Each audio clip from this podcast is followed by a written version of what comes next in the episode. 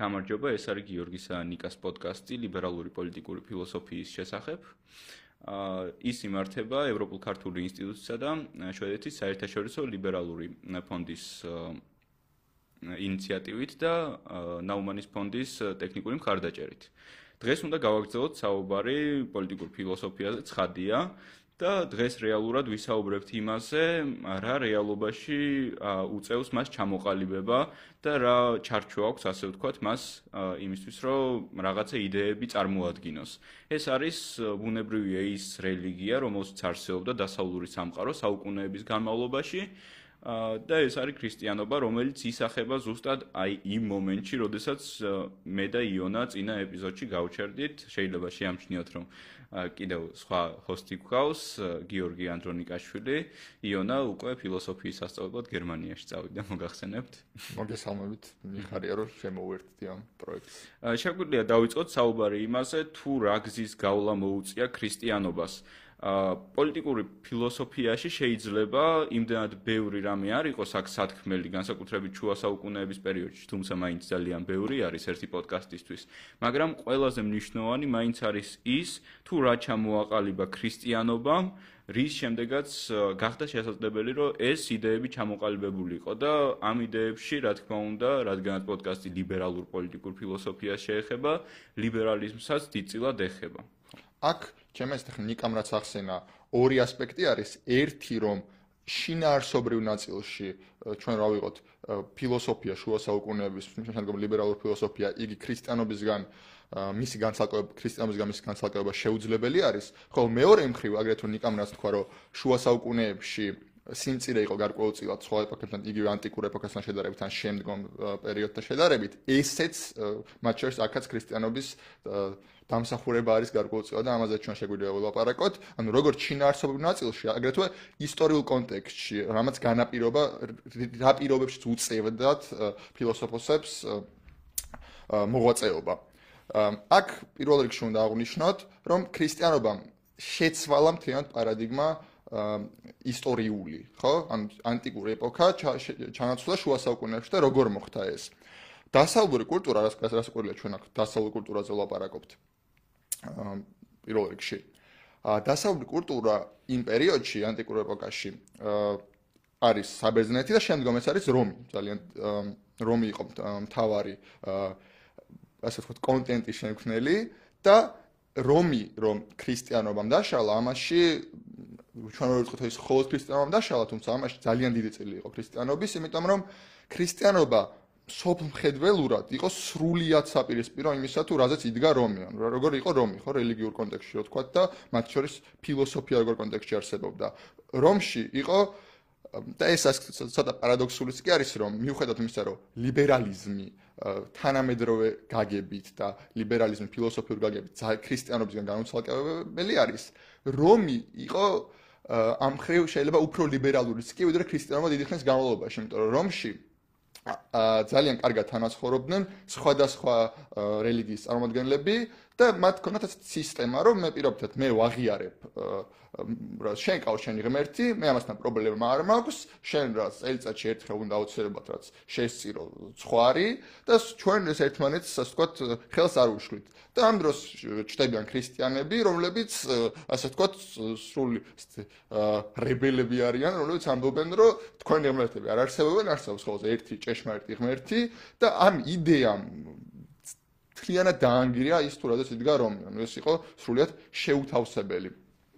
ეს იყო შეუთავსებელი და შედეგად ჩვენ მივიღეთ და ეს ბრალი ასე თქვა რომელსაც ქრისტიანების ქრისტიანობის მოწინააღმდეგეები ამბობენ ქრისტიანობის მოწინააღმდეგეები აბრალებენ ქრისტიანობას ეს არის ამაში არის გარკვეული ჭეშმარიტება რომ შუა საუკუნეები და გარკვეულწილად ბნელი საუკუნეები ბნელ საუკუნეებს რაც ეძახიან ამაში იყო არაქრისტიანობის როგორც ასე ვთქვათ იდეის, არამედ მისი მატარებლების და ფეოდალების, რომლებმაც ქრისტიანობა მიიღეს, მათი დიდი ბრალი, რომ მეცნიერება და მათ შორის ფილოსოფია გაცილებთ, რომ შეიზღუდა ამ პერიოდში.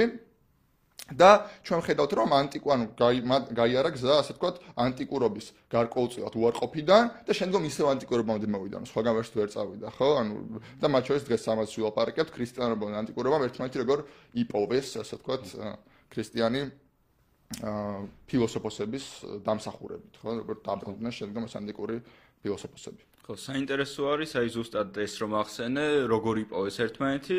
მაგალითად, ჩემი მეგობრები, როდესაც სწავლობდნენ და ძალიან დეტალურად შუა საუკუნეების ფილოსოფიას, აა იმ მომენტში ზუსტად მსჯელობდით ამის შესახებ და მითხრეს, რომ თლიანად იყო შედგენილი იმისგან, რომ ახლიდან აღმოაჩენდნენ ხოლმე ანტიკურობას, ვიღაცა აღმოაჩენდა პლატონს, მერე ვიღაცა აღმოაჩენდა არისტოტელეს, დაავიწყდებოდა თორემ მერე ახლიდან და ასე უწევდათ არსეობა. და მართლაც ძალიან საინტერესო არის ამ ხრივ ქრისტიანობის როლი და ის რომ სულიერი ზრდა უკვე ეკლესიაში იყო შესაძლებელი და ამ შემდეგ.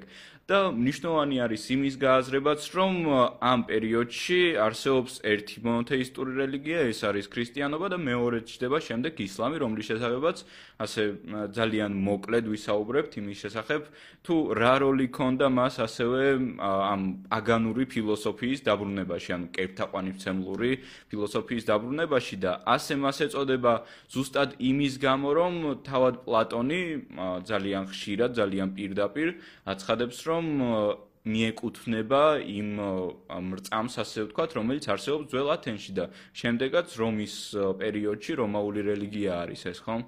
და ეს ითვლება კერპთაყვანისმცემლობად ქრისტიანებისთვის და ამიტომ ეწოდება ამას ასე. მაგალითად, შეგვიძლია გავიხსენოთ ნეტარი ავგუსტინე, წმინდა ავგუსტინე კათოლიკეებთან, რომელიც ასევე ძალიან დიდი მოწინააღმდეგე არის პაგანიზმისა და პაგანური ფილოსოფიის მიუხედავად იმისა, რომ მასთან შეიძლება დავინახოთ პლატონის დიდი გავლენები. ახლა კი ჩემი აზრით ნიშნავანი ნიშნავანია ვთქვათ რამდენიმე სიტყვა ბიბლიაზე. რა თქმა უნდა, არა დეტალურად ბიბლიის შესახებ საუბარი, რადგანაც ეს ერთ პოდკასტში ნამდვილად ვერ ჩაჯდება. არამედ ის ნაწილები, რომელიც ჩვენი აზრით უფრო საინტერესო აღმოჩნდა შემდეგ პოლიტიკური ფილოსოფიისთვის და ლიბერალიზმის განვითარებისთვის. პირველ რიგში, რაც მინდა ვახსენო, არის ის, რომ თუ როგორ რელიგია ჩამოყალიბდა ქრისტიანობა და ასე ვთქვათ, რა დებულები იყო მასში ისეთი, რაც ხალხს ასე ვთქვათ, მოაწონებდა თავს.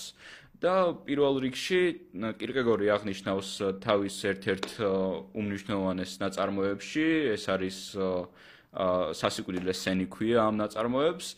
და ეს ნაწარმოები სათაური აღებული არის რეალურად იოანეს სახარებიდან, სადაც როდესაც ლაზარეს აღდგინების ეპიზოდზე არის საუბარი, რა თქმა უნდა, როდესაც ლაზარე გარდაიცვლება, იესო ქრისტე მას აღადგენს, ეს ყველამ ვიცით, მაგრამ აი ამ მომენტში, როდესაც ქრისტე მას აღადგენს, ამბობს შემდეგს ეს ესნეულებაი არა არის სასიკვდინე. ანუ ეს არ არის ისე ესნეულება, რომელიც მოკლავს ლაზარეს. ნუ გასაგები არის ეს ფაბულას მიხედვით ძალიან ბუნებრივია აღადგენს შემდეგ ლაზარეს და ლაზარე არ მოკვდება. მაგრამ რა არის აქ მნიშვნელოვანი? ეს დებულება და მრავალი სხვა რომელიც ბიბლიაში არსებობს, ქრისტიანებს უქმნის იმედს იმისა რომ ისინი გადარჩებიან. და ასე ვთქვათ, შიში აღარ აქვთ იმის, რომ სიკვდილის შემდეგ არაფერი აღარ იქნება და ასე ვთქვათ, შეიძლება მოვიდეს ის აპოკალიფსი და ასე შემდეგ და მათთვის ეს საშიში არ იქნება. ანუ რო გავიაზროთ ეს როგორი რაღაც არის. ლაზარესთვის ეს ნეულება იმ შემთხვევაშიც არ იქნებოდა სასიკვდილე ის რომ მომკვდარიყო იმიტომ რომ ლაზარე იყო ქრისტიანი და ბუნებრივია ის გადარჩებოდა. და ჩემი აზრით ეს არის ძირითადი ის ღერძი რაზეც ფუძნდება რწმენა, ზუსტად რწმენა, რადგანაც თუ ადრე აქვთ პრეტენზია, ასე ვთქვათ, ცოდნაზე და იმაზე, რომ ცოდნა რამენაირად მოვიპოვოთ და ფილოსოფოსობაც ხო ამას ნიშნავდა, ფილოსოფია არის სიბზნის სიყვარული.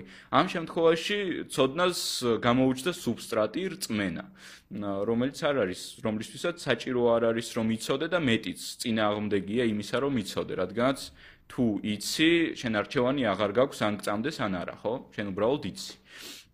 ხოლო ხო და აა ხო აქ ალბათ მე ბუნებრივი იყო რომ ბიბლიას ვერანაირად ვერ აუწდებოდით ზოგადად მე ასე მგონია რომ დასავლური კულტურა დასავლური ცივილიზაცია თლიანად ალბათ დგას ორ დიდ ასე ვთქვათ ყუზე თუ სპილოზე, რომ ერთი ეს არის ანტიკური ლიტერატურა, ანტიკური ფილოსოფია და მითები, მე ვიტყოდი, და მეორე მხრივ ეს არის ქრისტიანობა და როცა ქრისტიანობას ვამბობ, პირველ რიგში ეს არის ბიბლია, განსაკუთრებით როდესაც ჩვენ ლიტერატურაზე ვლაპარაკობთ და ფილოსოფიაც ლიტერატურაში ხო მოიაწერება ამ შემთხვევაში. და ამ მხრივ მნიშვნელოვანი გადასვლა იყო ჩემი აზრით, რომელიც უნდა აღვნიშნოთ, რომ ქრისტიანობამ და ბიბლიამ ძალიან შეცვალა ფილოსოფია იმ ხრივ რომ გაცილებით უფრო ორიენტირებული გახდა რელიგიაზე და გაცილებით უფრო გახდა ორიენტირებული ბიბლიის გააზრებაზე, გადააზრებაზე, ღმერთის როლზე, ვიდრე ეს იყო ანტიკურ ავტორებთან, იმიტომ რომ ანტიკურ ავტორებს ასე ასე ვთქვათ, ფუფუნება ჰქონდათ, რომ მათი რელიგია, ხო, ბერძნებზე თუ ვილაპარაკებთ, არ იყო ჯერთი ასეთ ტექსტზე, ხო, ასეთ ფუნდამენტურ მნიშვნელოვან ტექსტზე დაფუძნებული. შემდგომ ის იყო ძალიან გაცემთ რომ მიწიერი იყო და ისინი როცა ლაპარაკობდნენ რელიგიაზე იგივე პლატონი ხო ის მას ისე ლაპარაკობს როგორც მას გაუხარდება ნუ ის მას ასე ვთქვათ გარკვეულ თვითონ აყენებს ჩარჩოში. მაშინ როცა როდესაც ლაპარაკობთ ფილოსოფოსებზე, რომლებსაც იგივე ნეტარი ავგუსტინეზე, რომელსაც მოუწია ბიბლიასთან ბიბლიის გააზრება, ის პირიქით ის მაქსიმალურად ცდილობს რას ცდილობენ ისინი, რომ ცხოვრება და ბიბლია რაღაცნაირად მათ შეუსაბამონ, ანუ რას ახსნან ის რაც ბიბლიამ არ თქვა, იმიტომ რომ ბიბლია ასე ყველაფერს არ მოიცავს, ხო და მათ შორის ქრისტეს ყველა ასპექტზე არ ვლაპარაკია და ეს იყო შემდგომ პრობლემა, რომ მოიცადა აი აქ რას გვეუბნება ბიბლია და აი მაგაზე პასუხის გაცემა იყო ძალიან დიდწილა და ამან თინათ შეცვალა ფილოსოფიის ვექტორი მე ასე ვიტყოდი. ხო. ნამდვილად ასე არის და ნუ აღსანიშნავია ის რომ ანტიკურ ფილოსოფოსებსაც ყავდათ თავიანთი ავტორიტეტები, მაგალითად პლატონისთვის ეს არის ჰერაკლიტე, რომელზეც ბევრჯერ ახსენებს ხოლმე, რომ მის სიღრმეს ის ვერ ჩაწდება და ნამეტანი მაღლა არის ის მისთვის, მაგრამ ეს დასავლურ ფილოსოფიაში რაღაცნაირი ძალიან ტენდენციური გახდება, რადგან ყოველ ფილოსოფოსს ყავს ფილოსოფოსი, რომელსაც ვერ გადააბიჯებს, ასე ვთქვათ. ხო, იგივე არისტოტელე, პლატონს და სოკრატეს დროპფონ პასუხობს. ხო. ხო და ნუ ეს ბუნებრივია ასე არის. თუმცა ბიბლია ნამდვილად ამ შუა საუკუნეებში ასე ვთქვათ frameworks ქმნის იმისთვის როგორი უნდა იყოს ფილოსოფია. თუმცა აი ჩემი აზრით ძალიან საინტერესოა ის რომ მაგალითად ავგუსტინესაც შემდეგ თომა აკვინელსაც უწევთ ამასთან მუშაობა და თან ამასთანავე ისინი ძალიან კარგად იცნობენ ანტიკურ ფილოსოფიასთან და მათი გაერთიანება უწევთ. განსაკუთრებით საინტერესო ეს თომა აკვინელის დროს არის, რომელზეც შემდეგ ვისაუბრებთ. კიდევ ხო ხო აქ ხო ალბათ ის თემა რომ ავგუსტინემ უფრო უარყოფას ცდილობდა და ხოლო აკვინელმა რაც გაერთიანებას ცადა ასე ვთქვა. ხო, აკვინელი არის არისტოტელეს დიდი აღმომჩენი, რის გამოც ძალიან ბევრი ადამიანი და მათ შორის მეც ძალიან ვაფასებ თომას.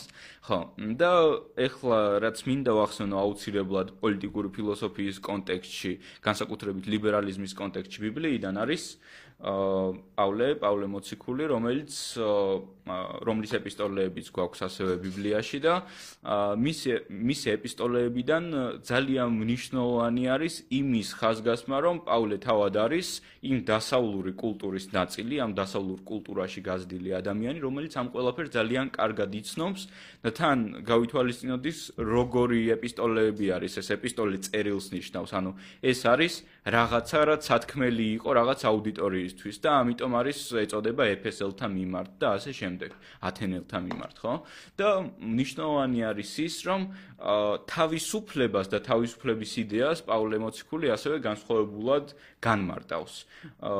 და ის ამბობს, რომ ერთ-ერთ ეპისტოლეში ზუსტად ამბობს, რომ ქრისტე იშვა და ამიერიდან ჩვენ აღარ ვართ მონები, არამედ ვართ შვილნი ღვთისა.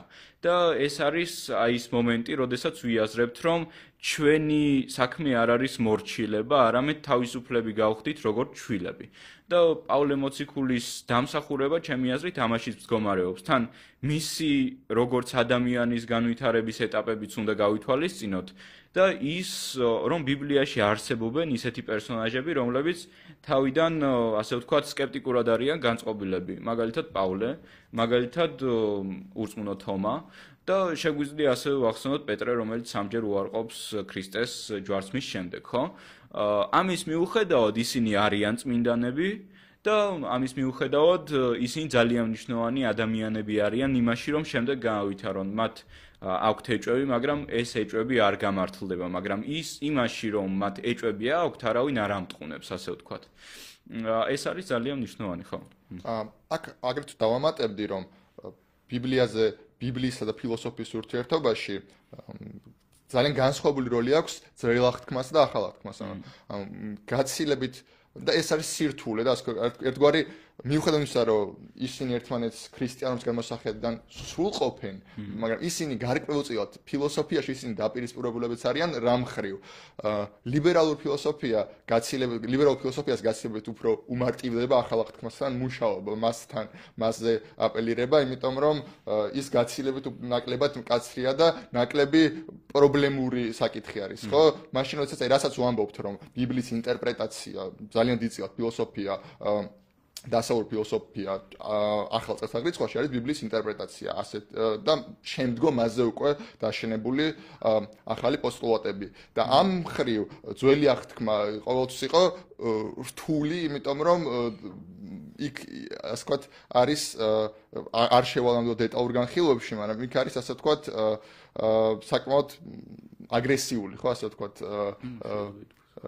აგრესიული პასაჟები, ასე ვთქვათ, და ამ მხრივ ახალი აღთქმა შეება შვებაც კი იყო ბევრი ფილოსოფოსისთვის, რომ მათ ნაკლებად ჭყალებში ნაკლებად კაცრი რეალობა რომ შეექმნათ, ხო? იმიტომ რომ მათ ისინი ხო ლაპარაკობთ იმაზე, როგორ უნდათ რომ იყოს ცხოვრება მოწყებული, მათ შორის პოლიტიკური სისტემა. და ამ მხრივ მე ვფიქრობ, რომ ახალი აღთქმა შეება გაცილებით უფრო ისოდე ისო ჭყალებში ლიბერალური შეიძლება უწოდოთ მას. თან ხო რა თქმა უნდა, თან ეხლა გამახსენდა ზუსტად რომ ძველ აღქმას აქვს ასევე ძალიან ბევრი პასაჟი, რომელიც ძალიან ბევრ მსჯელობას იწვევს და მათ შორის ერთ-ერთი არის აბრაამის მიერ ისააკის შეწირვა, ხო? და ეს არის ძალიან პრობლემური და ძალიან ბევრჯერ განხილული და ასევე საინტერესო არის კირკეგორის განხილვა. კირკეგორი არის ადამიანი, რომელიც ქრისტიან ბიბლიის ყოველ ეპიზოდზე რაღაცა მსჯელობის ამოწყება შეუძლია და ამასაც ერთ-ერთი მთავარი საკუთარი ნაშრომი შიჩი და თრთოლვა მიუძღვნა. და აქ საინტერესო ეს რატომ არის ზუსტად პოლიტიკური ფილოსოფიის მხრივ. ну, უფრო სამართლის ფილოსოფიის მხრივ იქნებოდა საინტერესო ჩემი აზრით, რადგანაც კირკეგორი აბრაამის გააწყვეტილებას უწოდებს შემდეგს. ეს არის ეთიკური ტელეოლოგიური გაუქმება, რას ნიშნავს ეს? ეთიკური არის ის, რაც მიღებული არის იმ თემში, სადაც ცხოვრობს აბრაამი. აა როგორ ფიქრობთ ჩვენ, როდესაც ვთქვათ, რომ შეეწირა ისააკი ნამდვილად აბრაამს, რომ დაბრუნებული იყო საკუთარ თემში. რის თქმას შეძლებდა ის და გაამართლებდნენ თუ არა ისინი მას? ვერ გაამართლებდნენ, იმიტომ რომ შვილის მოკლა ამ შემთხვევაში მიუღებელი იყო. მაგრამ რაში არის გამოხატული ეს ტელეოლოგიური გაუკეთელაური? ხო, აულდა კეთელაური ზუსტად შეგვიძლია დავასახელოთ ეთიკური ტელეოლოგიური გაუქმების მაგალითად. თანაც ძალიან მნიშვნელოვანი არის, რომ ვაჟას დაჭერილი აქვს ეს, რომ აულდას ასევე არ შეუძლია გამოთქმა და აბრაამსაც არ შეუძლია გამოთქმა და აქ არის ძალიან მნიშვნელოვანი კირკეგორი ზუსტად მაგას ამობს ქრისტიანობაში, რომ ქრისტიანობის გამოთქმა არ შეგიძლია, შენ შეგიძლია გწამდეს, მაგრამ ვერ ეტყვის სხვას რომ სწამდეს მას. და ტელეოლოგიური არის იგულისხმება ზუსტად ის, რომ ღმერთი ეუბნება მას, რომ ისააკი შესწიროს. ამის მიუხედავად არ უწევს ამის გაკეთება, თუმცა ეს დილემა მაინც დგება და მნიშვნელოვანი არის. თან ამას რატო ახსენებ? ეთიკური და ტელეოლოგიური, ну, ეთიკური განსაკუთრებით ძალიან მნიშვნელოვანი არის სამართლის ფილოსოფიისთვის. როგორ შეიძლება აქ გადაუწყვიტოთ პრობლემები, როგორ შეიძლება კანონები დავაწესოთ, ხო? და ამ შემთხვევაში მნიშვნელოვანი არის ის, რომ აქ ჩემი აზრით გარკვეულწილად ვლინდება ის, რომ რელიგიის როლი სამართლის შექმნაში ნაკლები არის. ну, თომას შემთხვევაში ვიტყვით, რომ ის ხედავს, რომ მეტია. და რატო არის ნაკლები? იმიტომ რომ ტელეოლოგიურის გამოთქმა ა ブラ ამს არ შეუძლია, ამიტომ ვერავინ ვერ იტყვის, რომ მე მწამს და ამიტომ კანონში უნდა ეწეროს ასე. კანონში წერია ისე, როგორც მიღებული არის იმ ამა თუ იმ თემში, ხო?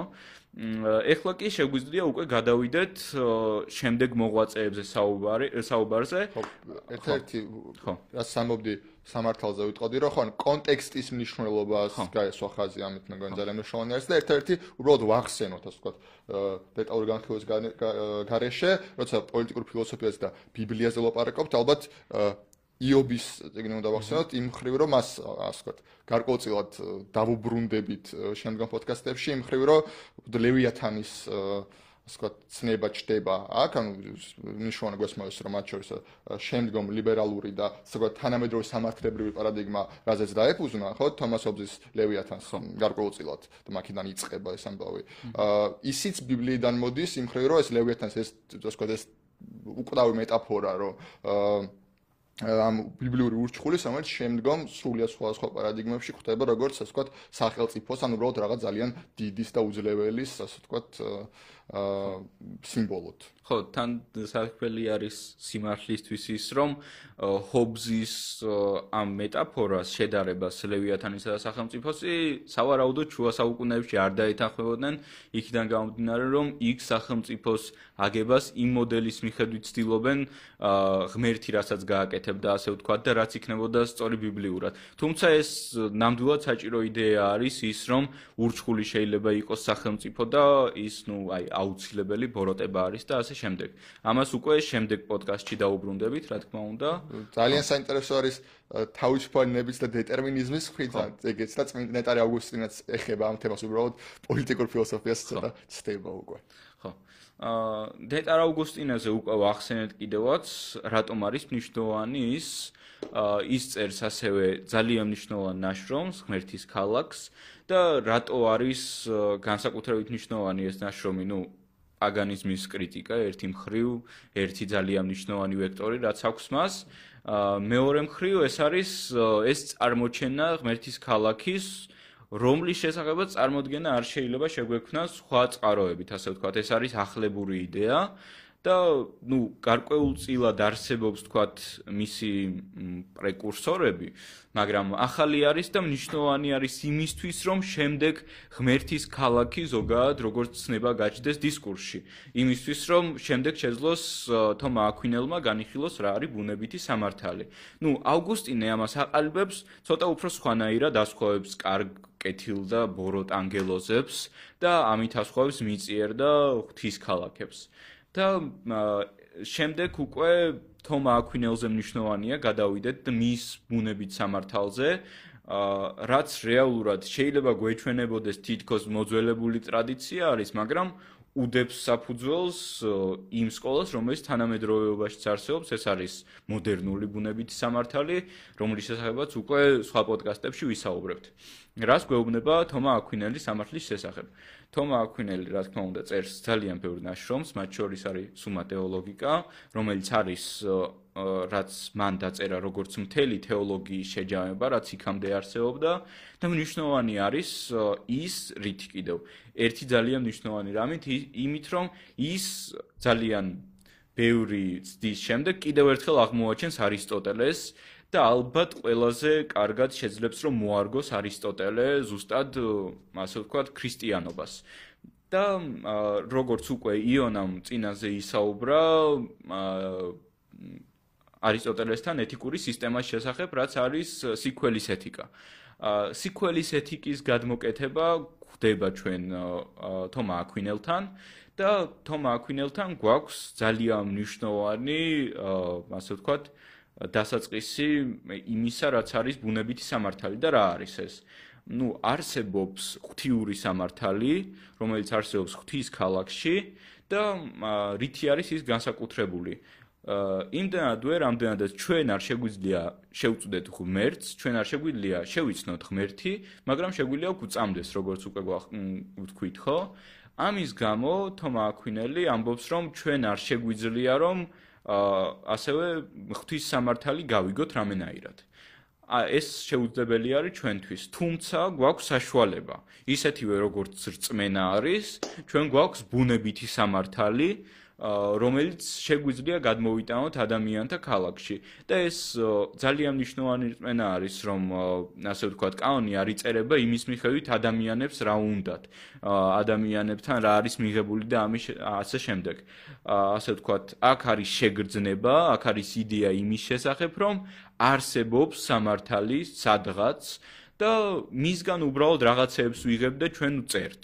და ჩვენ ვცდილობთ რომ ეს ყველაფერი ასე ვთქვათ დავამიწოთ და არა ვთქვათ ჩვენი თგზავთ ეს არის სხვა შორის ძალიან მნიშვნელოვანი გამაკონტროლებელი ყველა იმ სისტემისთვის რაც არსებობს და რაც იარსებს სამართლებრივად. ის იდეა, რომ ხელმწიფეს არ შეუძლია ყველაფრის გაკეთება, არამედ ის არის შეზღუდული ამ ბუნებითი სამართლით და თუ მის წინააღმდეგ წავა, ეს მარტივად გამოსაჩენი გახდება თუნდაც თეოლოგების თეოლოგებისთვის, ხო? აქ ასევე ჩდება მეორე პრობლემა, რომ რა არის ბუნებითი სამართალი, როგორ განსაზღვროთ.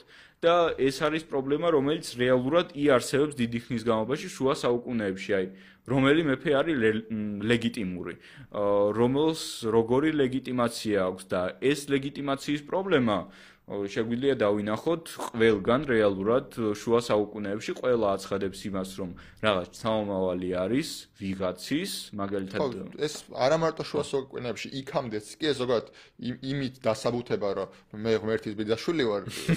ანუ ეს ძალიან ძველი და ძალიან იგივე თითქოს რომის იმპერიაშიც კი, რომელიც თითქოს ასე პირდაპირ არ იდგა, ის ისე როგორც შემდგომში შუა საუკუნეებში ფეოდალიზმი ასე არ არ იდგა ღმერთის რჩეულის პარადიგმაზე იქაც იგივე იულიუს კეისარი მაგალითად ამბობდა რომ ამტკიცებდა რომ იგი ვენერაში თამამავალია და ეს მას რაც უფრო მაღლა აყენებდა ასე თქვა ხო.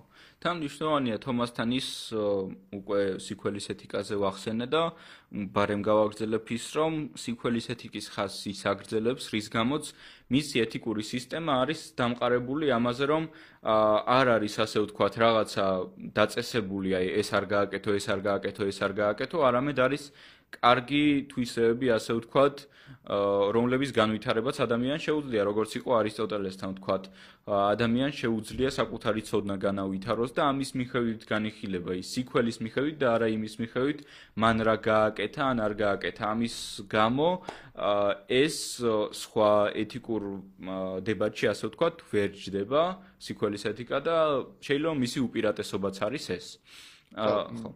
თომა აკვინელის როლი და ის რომ იგი დიდწილად ნაცვლად იმისა რაღაც ახალი ველოსიპედის გამოგონებას ცდილობდეს ძველი იდეები ასე ვთქვათ დააბრუნა და გადაამუშავა და მათ შორის პირველ რიგში არისტოტელე. ამას ჩვენ შეგვიძლია უწოდოთ გარკვეულწოდ ფილოსოფიაში რენესანსი იმ ხრივ რომ ამას ანტიკური იდეები დააბრუნა და იგი ცდილობდა იგი ხრთებოდა არისტოტელეს მნიშვნელობას და მაქსიმალურად ცდილობდა რომ ის შეუთავსებლობა რაც ჰქონდა არისტოტელეს ქრისტიანობასთან, მათი რაც არგუმენტირებულად მათ რაც ასე ვთქვათ გაუქმებას, ხო, გადახაზვას იგივე, როცა არისტოტელე საუბრობდა იმაზე, რომ სამყარო უსასრულო არის, ხოლო ქრისტიანულ სწავლება ამბობდა, რომ რადგან ღმერთმა შექმნა სამყარო, ესე იგი როდესღაც დაიწყო და ეს თითქოს არ ჯდებოდა, თომა აკვინელი ამას ასე ვთქვათ აერთიანებდა და ამბობდა, რომ ის რაც არისტოტელე ამბობს, არ ეწინააღმდეგება იმას, რაც ქრისტიანობა ამბობს, ხო? ეს ძალიან გარდამტეხი მომენტი იყო, მათ შორის შემდგომში ფილოსოფიას გაცდა ეს და იგი მეცნიერების მხრივაც, ხო, რა ნუ პრეცედენტულად მნიშვნელოვანი რამ იყო, რაც თომა აქვინელ მაქნა და პოლიტიკურ სისტემაზეც ეს აბლოჯამში აისახა. კი, კი, ბუნებრივი არის და მნიშვნელოვანი არის თომა აქვინელი და კიდევ უფრო მნიშვნელოვანია ის რა როლი ითამაშა ამან შემდეგში რენესანსში რომ სულ უფრო და უფრო ჩდებოდა იტალიის ქალაქ სახელმწიფოებში ეს სკოლები რომლებიც ასწავლიდნენ პლატონს და არისტოტელეს თეოლოგიასთან ერთად. და ამის შედეგად გახდა შესაძლებელი რომ ჩამოყალიბებული ის იდეების სისტემები რომლების შესაძლებელს რეალურად ჩვენ გვაქვს საშუალება რომ ვილაპარაკოთ. ბიზანტიაშიც პრინციპში ბიზანტიაშიც ბუნებრივია. და კიდევ ერთი მნიშვნელოვანი მხარე რომელიც არსებობს აქ არის ისლამი რომელიც ასევე არის მონოთეისტური რელიგია და რომელიც იქმნება მე-7 საუკუნეში ჩვენი წელთაღრიცხვით. და მნიშვნელოვანი არის რატომ? გარდა იმისა, რომ ქრისტიანობაში და ქრისტიანულ თეოლოგიაში ხალხი მოდის აღმოაჩენს, ასე ვთქვათ, პლატონს და არისტოტელეს, იქაც იგივე არის და აღსანიშნავია ის, რომ პლატონის და არისტოტელეს ზოგი ყველაზე ძველი ჩანაწერი ზუსტად არის არაბულად, ეს არის არაბული თარგმანები მათი. და ძალიან მნიშვნელოვანი არის ის როგორ განიხილავენ პლატონსა და არისტოტელეს, ხო? ну, ვახსენოთ რომ ეს რელიგია იქმნება ჩვენი წელსაღრიცხვის მე-7 საუკუნეში მუჰამედის მიერ მის წმინდა წიგნი ყურანი არის და ყურანიც ასევე ბიბლიასავით არის ისეთი მნიშვნელოვანი წიგნი ამათი ფილოსოფიისთვის და რომელსაც უნდა მოარგოს ყველაფერი შემდეგ თქვათ მუსლიმმა ფილოსოფოსმა. ასევე აღსანიშნავია ის რომ როგორც აღმოჩნდა ძალიან ბევრი იდეის შეთავსება ასევე შეეძლო ისლამს და ეს უკვე ვლინდება მის პირველ ფილოსოფოსებშიც. სანამ გადავალ უკვე უშუალოდ მათ აღმოჩენაზე იმასაც ვიტყვი რომ ისლამში დიდი წინააღმდეგობაც შეხვდა ანტიკურ ფილოსოფიას და მათ შორის მაგალითად ალღაზალიმ დაწერა ასეთი ნაშრომი რომელსაც ეწოდება ესე იგი ფილოსოფოსთა არათანმიმდევრულობა მგონი ასე უნდა ითარგმნებოდეს ქართულად ინგლისურად არის incoherence. და ამის მიმართ პასუხი მას დაუწერა ავით ავეროესმა ანუ იბნ რუშდიმ. ჩემ არაბისტო მეგობრებმა არ მიწინონ რომ არაბულად არ ვახსენო. და დაწერა არათანმიმდევრულობის არათანმიმდევრულობა ხო? და რატო არის? ახლა ეს ძალიან მნიშვნელოვანი ეს ფილოსოფოსები ძალიან დიდ გავლენას ახდენენ შემდეგ იმაზე რა იქნება ევროპაში რადგან ევროპაში მათ ეცნობიან და მათი საშუალებით ხდება ასე ვთქვათ იდეების ჩამოყალიბება სისტემების ჩამოყალიბება ხო? მნიშვნელოვანი არის ერთ-ერთი არაბი ფილოსოფოსი ალფარაბი რომელიც აყალიბებს სისტემას, რომელიც საკმაოდ მსგავსი აღმოჩნდება იმისა, რაც არის არისტოტელესთან, ну, რადგანაც ასევე ერთ-ერთი არის, ვინც კითხულობს ამ იდეებს და მნიშვნელოვანი არის ის, როგორ შეძლებს ის არისტოტელეს და, ну, უფრო მეტად პლატონისაც კი სისტემის მორგებას შემდეგ ისლამზე. ისლამის შემთხვევაში როგორ არის წინასწარმეტყველი გვყავს მუჰამედი, რომელსაც რომელიც არის მართველი და შეუძლებელია ასე ვთქვათ დაუპირისპიროთ მას დემოკრატია, როგორც არსებობს ათენში, ხო? ან შემდეგ გვყავს ხალიფები. რა გაწყვეტილებას პოულობს ალფარაბი ისეც რაც შესაძლებელს ხდის რომ ეს იარსებოს? პლატონთან სახელმწიფოში ეს ძალიან მარტივად გვაქვს ეს გამოსავალი. იქ თუ ყავს მეფე ფილოსოფოსი, რომელმაც ყველაფერი იცის, რომელიც არის ადამიანი, რომელიც ასე ვთქვათ, სიბზნეს სიბნისკენ ისწრაფვის და სიბზნე ყველაზე მეტად გააჩნია მისი მოქალაქეებისგან, მისთვის ეს ბუნებრივი არის წინასწარმეტყველი, რომელსაც აქვს კავშირი ალაჰთან, ანუ ღმერთთან. და ამის შესახებაც პლატონის სახელმწიფოს როლზეც შეგვიძლია ვისაუბროთ, ხო? შემდეგ ნიშნავანი არის ის, რომ არისტოტელეზე მე უკვე წინა ეპიზოდშიც ვახსენე, არისტოტელე რა გამონაკლისს უშვებს ისეც, რომელიც შესაძლებელს ხდის ასე ის სისტემა ზოგადად არსებობდეს. და ეს არის ზუსტად ის რომ, ну, არისტოტელე რა თქმა უნდა არის ალექსანდრე მაკედონელის მასწავლებელი და ის ასევე აცხადებს რომ თუ ადამიანს გააჩნია ყველა სიქველე, მას შეუძლია იყოს ერთპიროვნული მართველი. ამ შემთხვევაში, ასე ვთქვათ, საჭიროება არ იქნება, რომ არსებობდეს დემოკრატია, ან არსებობდეს შუაფენის მართლობა, ხო? და ამიტომ შესაძლებელი ხდება რეალურად ნებისმიერ რელიგიურ პარადიგმაში ჯდებოდეს ანტიკური ფილოსოფია და ანტიკური პოლიტიკური ფილოსოფია განსაკუთრებით. ხო, ზოგადად არისტოტელე პოლიტიკაში როდესაც განიხილავს სხვა სხვა სისტემებს, ის კარგ სისტემებში ის მონარქიას განიხილავს და ეს დაგვაუწყდა როგორ ხსენებინა თომა აკვინელიც უბრუნდება ამ თემას და თომა აკვინელიც ამბობს რეალურად რომ მონარქია არის მართლობის კარგი სისტემა. იგი ამ შემთხვევაში აგრეთვე არისტოტელეს მიმდევარი, ოღონდ ისევ და ისევ ეს უკვე ხდება ქრისტიანობის პარადიგმაში არის უკვე ეს განხილული. ხო, ამას განიხილავს ქრისტიანი ფილოსოფოსი და ეს ქრისტიანული ფილოსოფიის ერთ-ერთი ფუნდამენტური ნაწილი არის პოლიტიკური მოწყობის, ასე ვთქვათ, ახსნა და გამართლება ქრისტიანობის ფარგლებში, ხო? ჩვენ რაც ვახსენეთ იმაზე, რომ რატომ არის ლეგიტიმური კონკრეტული მართველი და ლეგიტიმური თანაც არა დღევანდელი გაგებით ლეგიტიმური, ანუ არა ხალხისგან ხარ დაჭერილი, არამედ ღვთისგან ხარ დაჭერილი, ხო? და აგრეთვე რატომ არის ეს მართ მართლობის ეს ფორმა რატო არის შესაბამისი, ხო? ანუ რატო არის ქრისტიანობისთვის სწორი ეს არის. ხო, ანტიკური ფილოსოფია ამ ხრივ, ასე ვთქვა, დიდველს ათავისუფლებს იმისთვის, რომ პოლიტიკური სისტემები ჩამოყალიბდეს და პოლიტიკურ ფილოსოფიაში რეალურად ამიტომაც ნაკლები წინააღმდეგობა გაუჩნდა მათ ვიდრე სხვა სივრცეებში. ну განსაკუთრებით რწმენას და ჭეშმარიტებას რაც შეეხება, ხო? ამიტომ ზუსტად არისტოტელეზეც ვისაუბრეთ მის ასე ვთქვათ სახელმწიფოს მოწყობის კარგ მოდელებზე და ცუდ მოდელებზე. და ნამდვილად ეხლა რო ავიღოთ არისტოტელე ის ათავისუფლებს სივრცეს ნებისმიერი მოწყობისთვის, იქნება ეს არისტოკრატია, იქნება ეს მონარქია თუ დემოკრატია, ну დემოკრატია დემოკრატია არ უყვარს, თუმცა დემოკრატიის კარგ ვერსიას პოლიტიას უწოდებს და ასე წარმოაჩენს და სწორედ მას აიდეალიზებს ყველაზე მეტად. ხო, პარადიგმა რო არის რაც კარგი სისტემა და მისი ასე ვთქვათ დოპელგანგერი ან ცუდი ვერსია, ხო. და ხო, და პლატონი საერთოდ ძალიან დიდ სივრცეს ათავისუფლებს. თუმცა პლატონი უფრო შეზღუდულად რადგანაც ის დემოკრატიას ძალიან აკრიტიკებს და არ მოსწონს. ამიტომ მისთვის ერთადერთი გამოსავალი არის ეს ფილოსოფოსი მეფის მოდელი. აქ ალბათ ერთი მომენტი არის შემოვა, ჩემი აზრით დიდი როლი ითამაშა, რომ სტილისტურად იმდენად განსხვავებული ნაშრომები არის სახელმწიფო და პოლიტიკა, რომ მათ ჩემი აზრით ამას შემდგომ მათ როლებზე და ინტერპრეტაციას ითამაშა ანუ მათი როლი ამან განაპირობა გარკვეულწილად, იმიტომ რომ პლატონთან ეს გაცილებით უფრო მეწილად არის, რაც მე ვიტყოდი ხატრული შემადგენელი ნაწილი, ხატრული ელემენტი და ეს მის ფორმატი დიალოგების, არა და ჩვენ არსებობს ვერსია, რომ არისტოტელესაც ჰქონდა დიალოგები, უბრალოდ ის არ მოვიდა ჩვენამდე. და შემდგომ ეს სხვა ტრადიცია გაგრძელდა, ხო, ციცერონის დიალოგები წერდა.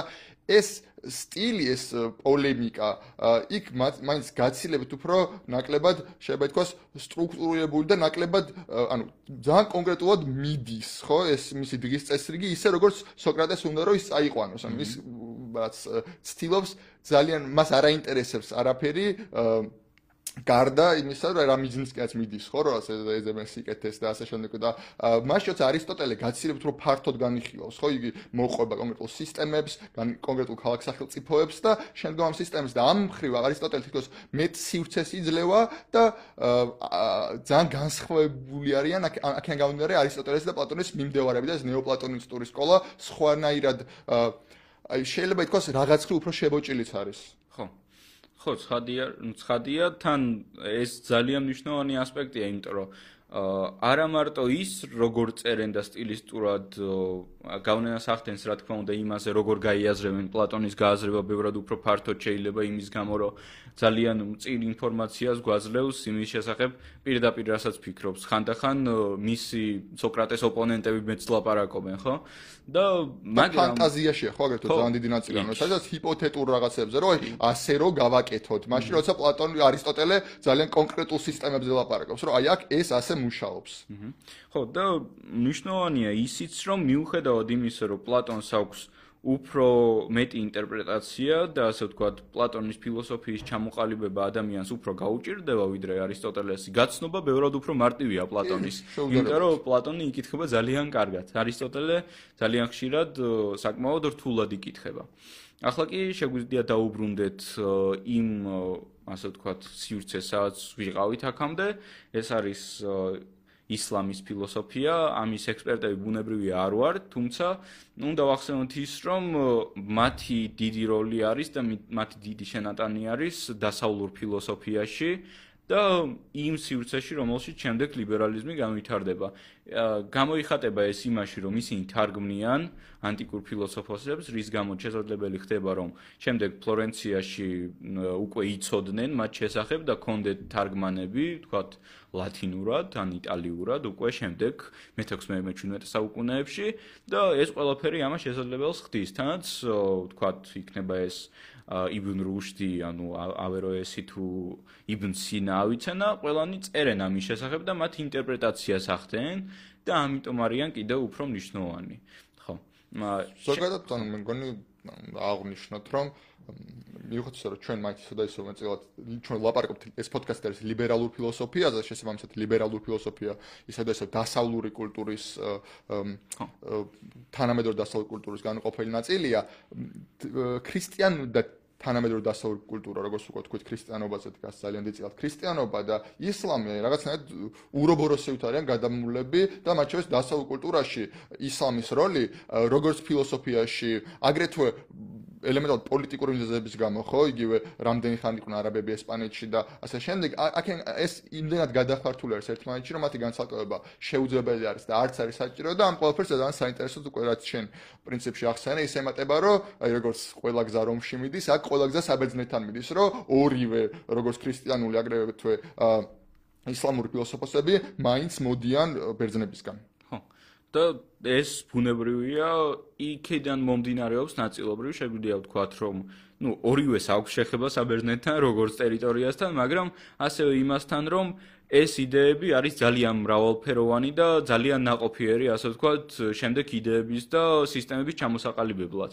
თითქოს იქ ითქვა რაც სათქმელი იყო და შემდგომ იმის მერე სულ იმის გადააზრება, გადმოაზრება ხდება. მთელი ახალი წელთაღრიც ხო? ხო. და შეგვიძლია უკვე ნელ-ნელა დასასრულისკენ წავიდეთ და ვთქვათ, ბოლო რამდენიმე სიტყვა იმის შესახებ, რატომ იყო ამის შესახებ საუბარი საჭირო და ზოგადად შემდეგში რაში გამოიხატება მისი გავლენა. ну ეს ყველაფერი შუა საუკუნეების ფილოსოფია ძიწილად არის ხოლმე თეოლოგია და საუბარი სხვა სხვა რელიგიებზე, თუმცა მის გარეშე არ არსებობს რეალურად დასავლური კანონი.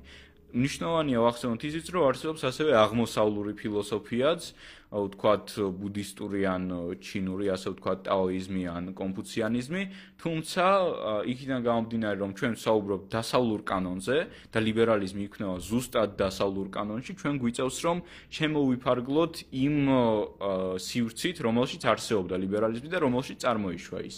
რა თქმა უნდა, არსებობს იდეები აღმოსავლეთში, რომლებიც ძალიან შეესაბამება ლიბერალიზმს და შეიძლება დაუკავშიროთ, თუმცა პირდაპირ კავშირი არ აქვს ხოლმე, ну, არსებობს კავშირები, ვთქვათ, პიროსი მოგზაურობდა ინდოეთში, იქიდან აიღო იდეები და ასე შემდეგ. ხო, მეცილად მაინც სხვა ფუძეები აქვს, თუნ ეს უბრალოდ ამაში არაფერი გასაკვირი არ არის, რომ ერთსა და იმავე დასკვნამდე შეიძლება მიხვიდეს სრულიად სხვადასხვა სიტუაციებში და სხვადასხვა ნაირ კულტურულ კონტექსტში, ხო?